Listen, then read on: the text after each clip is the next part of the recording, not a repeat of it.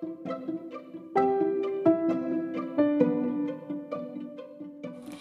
guys, welcome back to our podcast.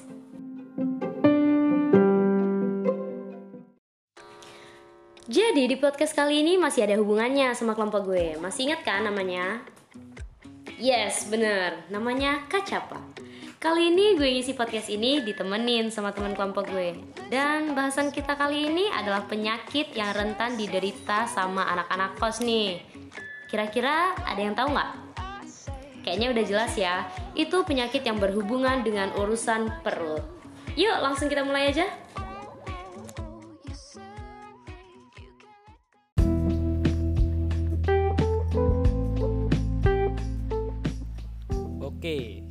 Ihsan Ardianto membuka pembahasan kita kali ini tentang penyakit yang berhubungan dengan perut. Rasanya khas banget kan anak kos dengan urusan perut. Apa aja sih kira-kira penyakit yang terlintas di benak kalian saat dengar kata sakit perut? Apa aja nih? Misalnya mah, usus buntu, tipes, masih banyak ya. Tapi kali ini kita bahas dua penyakit. Pertama yang gue sebutin tadi yaitu mah dan usus buntu.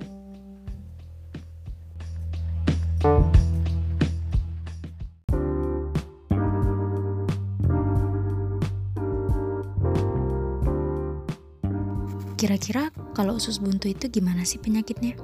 Kebayang gak sih guys kalian? Daripada ngebayang-bayangin, mending langsung aja kita mulai penjelasan pertama usus buntu. Penyakit usus buntu adalah peradangan yang terjadi pada usus buntu atau appendix. Usus buntu merupakan organ berbentuk kantong kecil dan tipis yang ukurannya 5-10 cm dan terhubung pada usus besar. Terus, apa sih yang dialami orang yang berpenyakit usus buntu? Penderita usus buntu dapat merasakan nyeri di perut kanan bagian bawah, yang jika dibiarkan, infeksi dapat menjadi serius dan menyebabkan usus buntu pecah, sehingga menimbulkan keluhan rasa nyeri hingga membahayakan nyawa penderitanya. Radang usus buntu juga dapat terjadi pada semua usia loh. Namun, paling sering pada usia 10 sampai 30 tahun. Nah, gejala penyakit usus buntu ada apa saja sih? Jadi, gejala utamanya ialah nyeri pada perut. Dalam beberapa jam, rasa nyeri bertambah parah, terutama saat bergerak, menarik nafas dalam, batuk, atau bersin. Selain itu, dapat disertai gejala lain seperti kehilangan nafsu makan, perut kembung, tidak bisa buang angin, merasa mual, dan demam.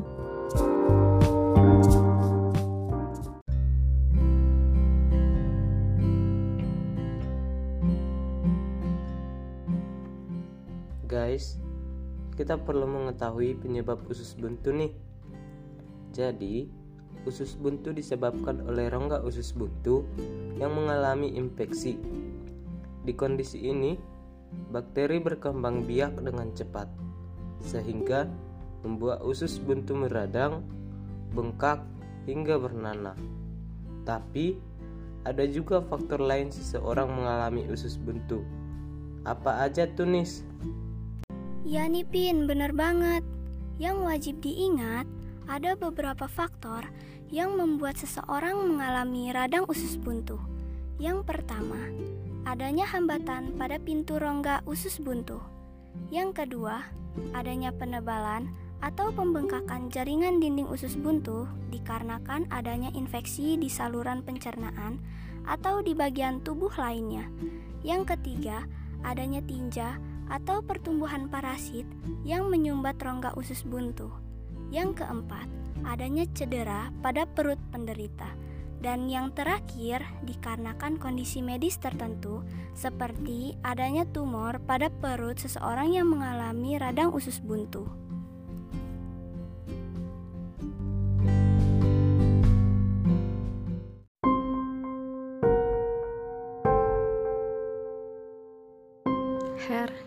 Sih cara dokter mendiagnosis penyakit usus buntu? Jadi untuk memastikan diagnosis, para dokter itu melakukan sejumlah tes fit. Tesnya itu berupa tes darah, itu bertujuan untuk memeriksa jumlah sel darah putih yang menandakan adanya infeksi. Terus ada lagi tes urin, itu untuk memastikan adanya penyakit lain. Kemudian ada CD scan atau yang sering kita sebut sebagai USG. USG untuk memastikan adanya rasa nyeri pada perut yang disebabkan penyakit usus buntu. Terus ada lagi kan Fit? Oh iya Her, ada tiga lagi. Selanjutnya itu ada pemeriksaan panggul. Gunanya untuk mastiin rasa nyeri bukan disebabkan oleh reproduksi ataupun infeksi panggul lainnya. Terus ada tes kehamilan. Itu untuk memastikan rasa nyeri tersebut bukan disebabkan kehamilan ektopik. Dan yang terakhir ada foto rosen dada. Itu untuk memastikan rasa nyeri juga disebabkan pneumonia sebelah kanan yang gejalanya hampir mirip usus buntu.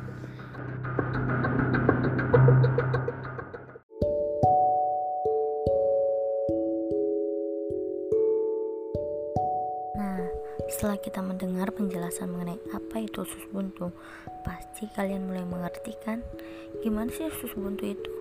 Untuk itu, sekarang kita akan mempelajari tentang cara mencegah dan mengatasi usus buntu. Menurut aku pribadi sih, cara mencegah usus buntu itu kita tuh harus banyak mengkonsumsi air, mengurangi makanan yang berbiji seperti cabai, jambu, dan lain-lain. Atau kita juga harus banyak mengkonsumsi makan makanan yang berserat. Nah, untuk lebih jelasnya akan dijelaskan oleh rekan saya yaitu Dava dan Alvin. Sekarang gue bakal ngebahas tentang pengobatan utama para penyakit usus buntu. Jujur gue tadi bacanya ngerasa ngeri banget karena pada proses pengangkatan usus buntu atau yang kita kenal dengan istilah appendektomi, ada dua cara melakukan appendektomi, yaitu cara laparoskopi atau operasi lubang kuci. Dan yang kedua, bedah terbuka atau laparotomi. Sementara untuk kasus usus buntu yang telah pecah dan terjadi abses perlu dilakukan pengeluaran nanah terlebih dahulu dari abses menggunakan selang melalui sayatan pada kulit Ngeri banget kan? Dan proses pemulihannya appendektomi pada bedah laparoskopi lebih singkat dibandingkan bedah terbuka. Nah, daripada kalian merasakan sakit itu, lebih baik dicegah dari sekarang. Untuk lebih tahu cara pencegahannya, selanjutnya akan dibahas oleh teman gua, si Alvin. Nah, mencegah usus buntu ini mudah banget guys. Pasti kalian pada bisa, karena ini semua itu berhubungan dengan kehidupan sehari-hari. Yang pertama, makan makanan berserat. Contohnya sayur-sayuran, pisang, dan apel. Terus minum air putih, tapi minumnya sambil duduk ya guys. Karena apa? Cakap hadis, ayah serban nahadukum ko iman. Terus makan yang tenang, karena Rasulullah SAW kunyahannya tidak lebih dari 30 kunyahan. Lalu konsumsi makanan probiotik, contohnya seperti yogurt, tempe, dan yang lainnya. Nah, habis ini bakal ada penjelasan tentang penyakit mani dari teman-teman kecapa lainnya guys.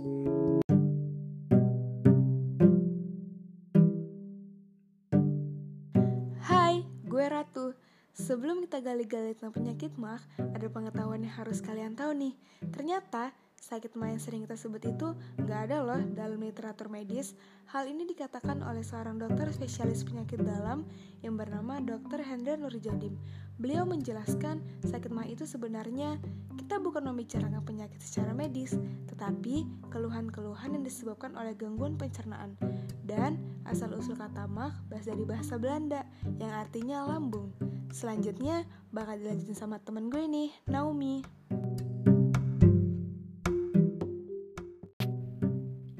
Oke, rasanya kebanyakan anak-anak kos atau bahkan orang pada umumnya pernah mengeluhkan penyakit mah. Biasanya penyakit mah ini dialami oleh seseorang yang telat makan, sehingga terasa nyeri, mual, bahkan sampai muntah. Buat kalian nih penderita penyakit mah, pasti sakit banget kan kalau lagi kambuh. Makanya kalian harus tahu tentang penyakit mah secara rinci dan detail. Gue punya temen nih, namanya si Isan, yang bakal ngenalin pertama kali tentang hal ini.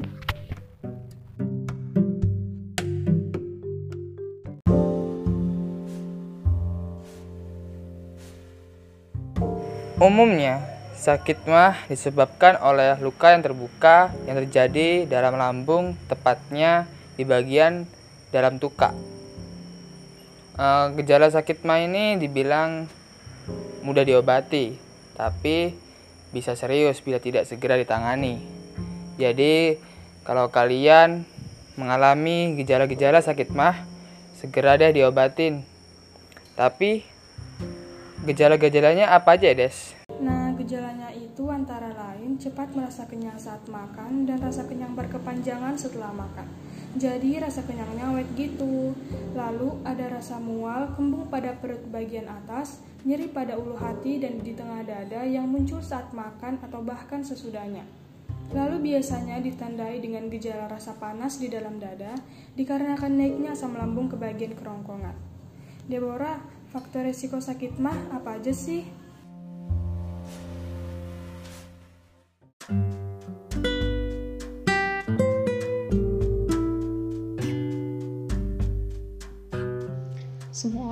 Segala usia dan jenis kelamin bisa mengalami sakit mah.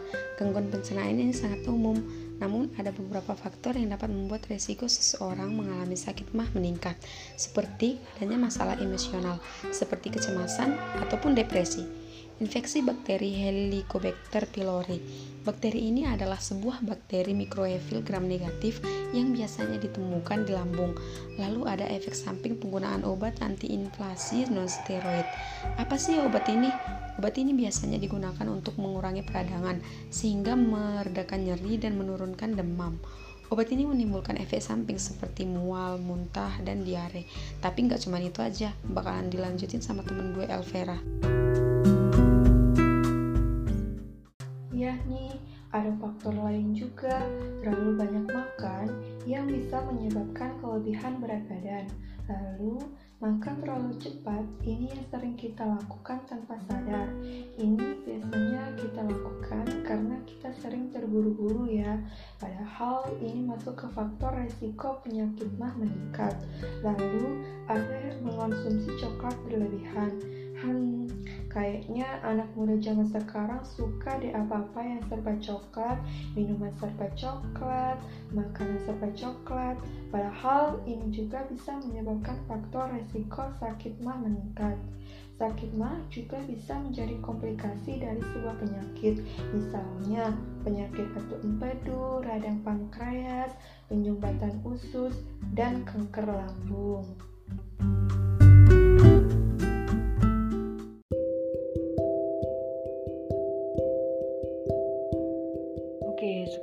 Adel nih, mau ngasih tahu ke kalian tentang alur dari penyebab sakit mah. Sebelum kita tahu penyebab dari sakit mah, kita harus tahu dulu nih tentang cara kerja lambung. Setiap makanan yang kita konsumsi itu akan masuk ke lambung kan, terus dicerna secara kimiawi dengan bantuan dari enzim pepsin dan renin yang dicampur dengan asam lambung HCI. Apabila terjadi gangguan, maka mifosa akan rusak dan menimbulkan rasa sakit atau nyeri. Terus gimana lagi, Jo? Nah, jika gangguan ini terus-menerus terjadi nih, asam lambung akan memecah mukosa yang akan menyebabkan iritasi dan peradangan. Kondisi ini Del yang sering kita sebut dengan sakit mah.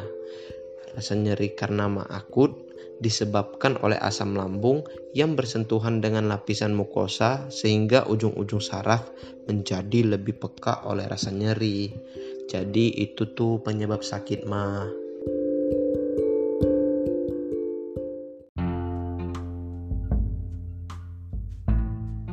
Yang pertama yang harus kalian lakukan itu menjelaskan secara detail gejala yang dialami, termasuk lokasi munculnya rasa nyeri di perut. Nanti dokter akan mencari tahu tentang riwayat kesehatan kalian dan memeriksa bagian perut dengan cara menekan area perut yang berbeda. Untuk mengetahui apakah ada area perut yang sensitif, nyeri saat ditekan, atau nyeri di bawah tekanan. Bila dokter mencurigai adanya kondisi medis tertentu sebagai penyebab sakit mah, tentunya maka dokter bisa menyanjurkan tes diagnostik seperti tes darah, endoskopi, atau tes fungsi hati.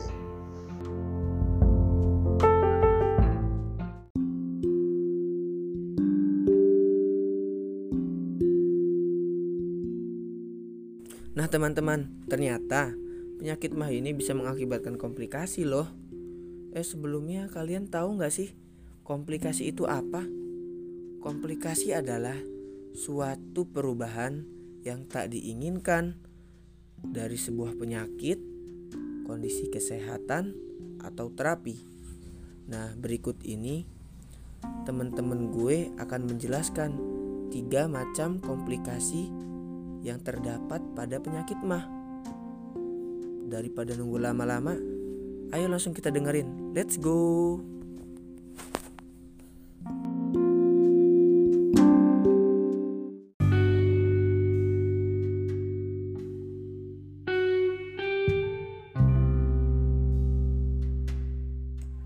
Oke, komplikasi penyakit mah yang pertama adalah esophagus Barrett.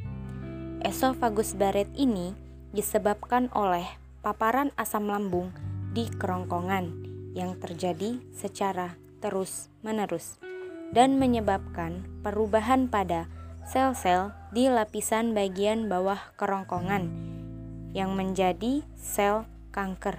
Ih, ngeri ya. Nah, komplikasi penyakit mah yang kedua adalah stenosis pylorus. Komplikasi ini terjadi ketika asam lambung menyebabkan iritasi jangka panjang pada lapisan sistem pencernaan. Pylori sendiri merupakan jalur antara lambung dan usus kecil.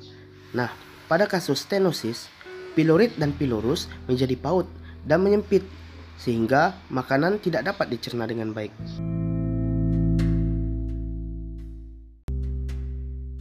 Nah, komplikasi penyakit main terakhir ada penyempitan esofagus.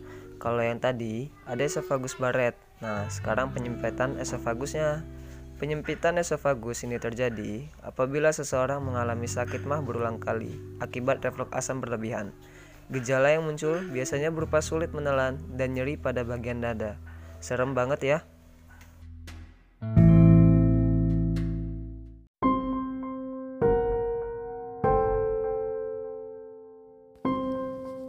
By the way, kalian tahu nggak sih guys, almarhum Dr. Yan Tamrin yang dulu ada di Dokter Os itu loh. Iya, yang ganteng itu. Nah, ternyata beliau meninggal dunia karena penyakit mah akut loh guys. Dan ternyata Dr. Yan sudah menderita mah akut selama satu tahun. Banyak yang gak nyangka kalau penyakit mah bisa menyebabkan kematian seseorang.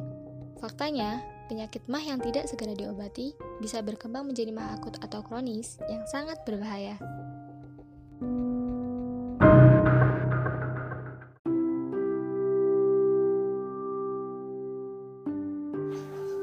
mah serem juga kan guys. Jadi mulai dari sekarang kalian nggak boleh menyepelekan penyakit ini ya.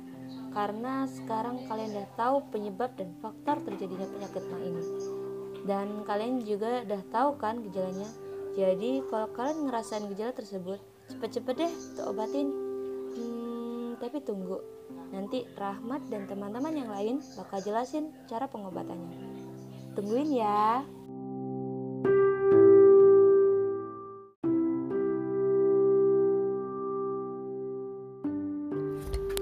Oke guys, jadi pengobatan pada sakit mah itu tergantung pada penyebab dan tingkat keparahan gejalanya.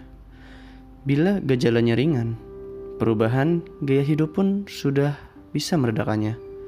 Namun, dalam setiap kasus sakit mah yang parah dan sering, dokter bisa meresepkan obat seperti itu.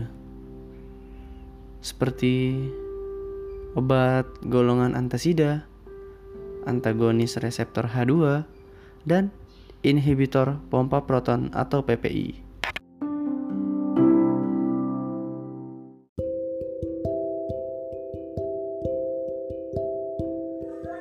Oke, sekarang pada penasaran gak sih bagaimana gaya hidup untuk mengatasi sakit ma?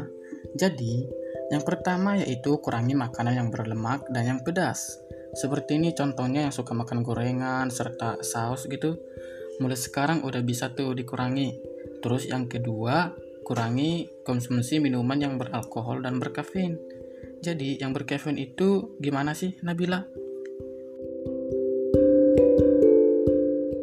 Nah, kafein itu stimulan alami yang bisa ditemukan pada tanaman seperti teh, kopi, serta coklat. Nah, jadi buat kalian yang mau meredakan sakit mah ringan, ini bisa banget nih mengurangi mengkonsumsi teh, kopi sama coklat. Tadi kan udah dijelasin di atas kalau mengkonsumsi coklat berlebihan itu nggak baik. Jadi mulai sekarang sudah harus diperhatikan ya apa saja yang kita konsumsi. Tapi nak, nggak cuma itu aja. Tidur setidaknya selama 7 jam setiap malam bisa membantu meredakan sakit mah ringan juga loh. Apalagi kalau sambil dibarengi olahraga secara teratur. Tapi bukan pas tidurnya ya. Terus buat para perokok juga, kalau kalian sudah bisa berhenti merokok, itu udah hebat banget untuk meredakan sakit mah ringannya. Jadi tetap semangat ya kawan.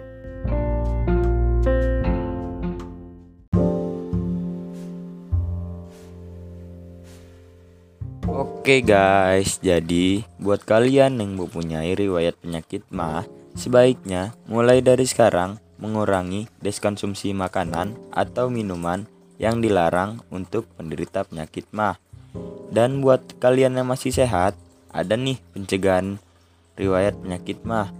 Cara terbaik mencegah sakit mah adalah menghindari faktor-faktor dan pemicu. Yang pertama, makan dalam porsi kecil dan secara perlahan, lalu menghindari makanan yang mengandung banyak asam. Nah bro, selain itu, kalau sakit mah itu dipicu oleh stres, cari deh uh, metode-metode baru untuk mengolah stres, kayak meditasi atau cari yang buat fresh, kayak refreshing gitu. Nah selain itu, jangan olahraga ketika perut penuh. Jadi sebelum olahraga, kalau emang mau makan, uh, dari jam-jam jauh sebelumnya gitu. Selain itu juga uh, harus ngurangin konsumsi alkohol dan jangan berbaring setelah makan. Biasanya nih kalau orang udah makan itu kan bawaannya ngantuk. Jadi harus ditahan dulu mulai dari sekarang biar nggak kena penyakit mah.